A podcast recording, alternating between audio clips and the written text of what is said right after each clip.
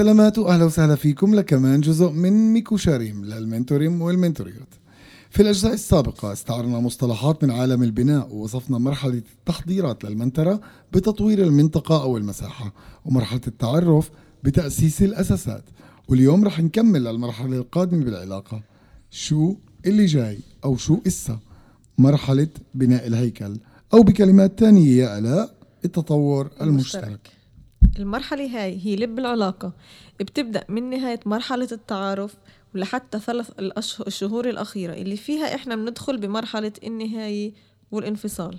الأساسات يعني صارت جوا الأرض. مزبوط. العلاقة تأسست استقرت. أه. وبهاي المرحلة المنتور والمنتي بحسوا أو ببلشوا يحسوا بإنهم صاروا بيعرفوا بعض صاروا اصحاب صاروا بيعتمدوا على بعض. صحيح. هذا مش معناه إنه كل شيء رح يمشي بسلاسة وسهولة لا.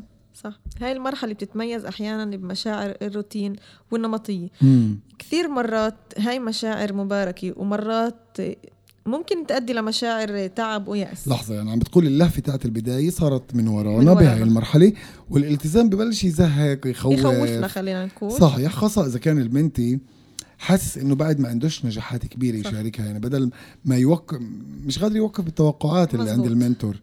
آه هذا موضوع. طيب طب شو رح نركز الآن في هذه الحلقة؟ رح نركز إنه هسا رح ننتقل لبناء الهيكل البيت نفسه لأنه على عكس البناء إحنا ما بنشتغل مع خطة هندسية مبنية مسبقا مم. عشان هيك بفك كثير أحيانا بهاي المرحلة بيطلع السؤال عشان شو إحنا اجتمعنا وتلاقينا هون. وشو الهدف؟ مش دائما الهدف واضح ها؟ يعني مش دائما إحنا بننجح نحول مع المنتي الموضوع لخطة عمل أو هدف قابل للقياس. صحيح. هذا إيش تمام؟ تمام على الآخر على الآخر تمام. طيب كثير شباب بفضلوا يركزوا على الشيء اللحظي كثير فتيات بفضلوا يشاركوا.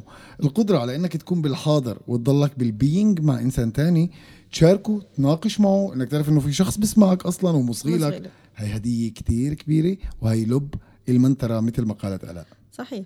وإذا المنتي اللي أنتم بترافقوا محتاج إيه، محتاج هذا فقط كونوا يعني بقلب الشغلة بقلب أعطوا من كل قلب بالضبط.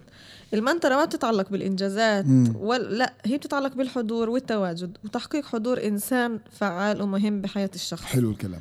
وجود إنسان فعال بحياتنا أحيانا كثير إلها تأثير كبير مش أقل من إنه الإنسان يحقق لقب جامعي أو يشتري بيت. ونصيحتنا لكم لليوم.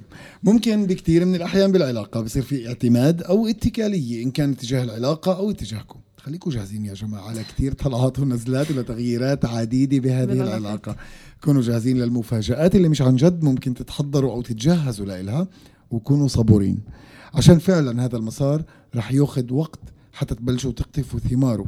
واحيانا رح تلاقوا الثمار كلها موجودة بنهاية المسار أساسا. صحيح. وخذوا بعين الاعتبار إنه مش كل إشي قيم ومهم بالنسبة لكم هو بالضرورة قيم بالنسبة ومهم بالنسبة للآخر. الموضوع نسبي وبكل والعكس بكل الحالات. صح صح نسبي لأنه لا.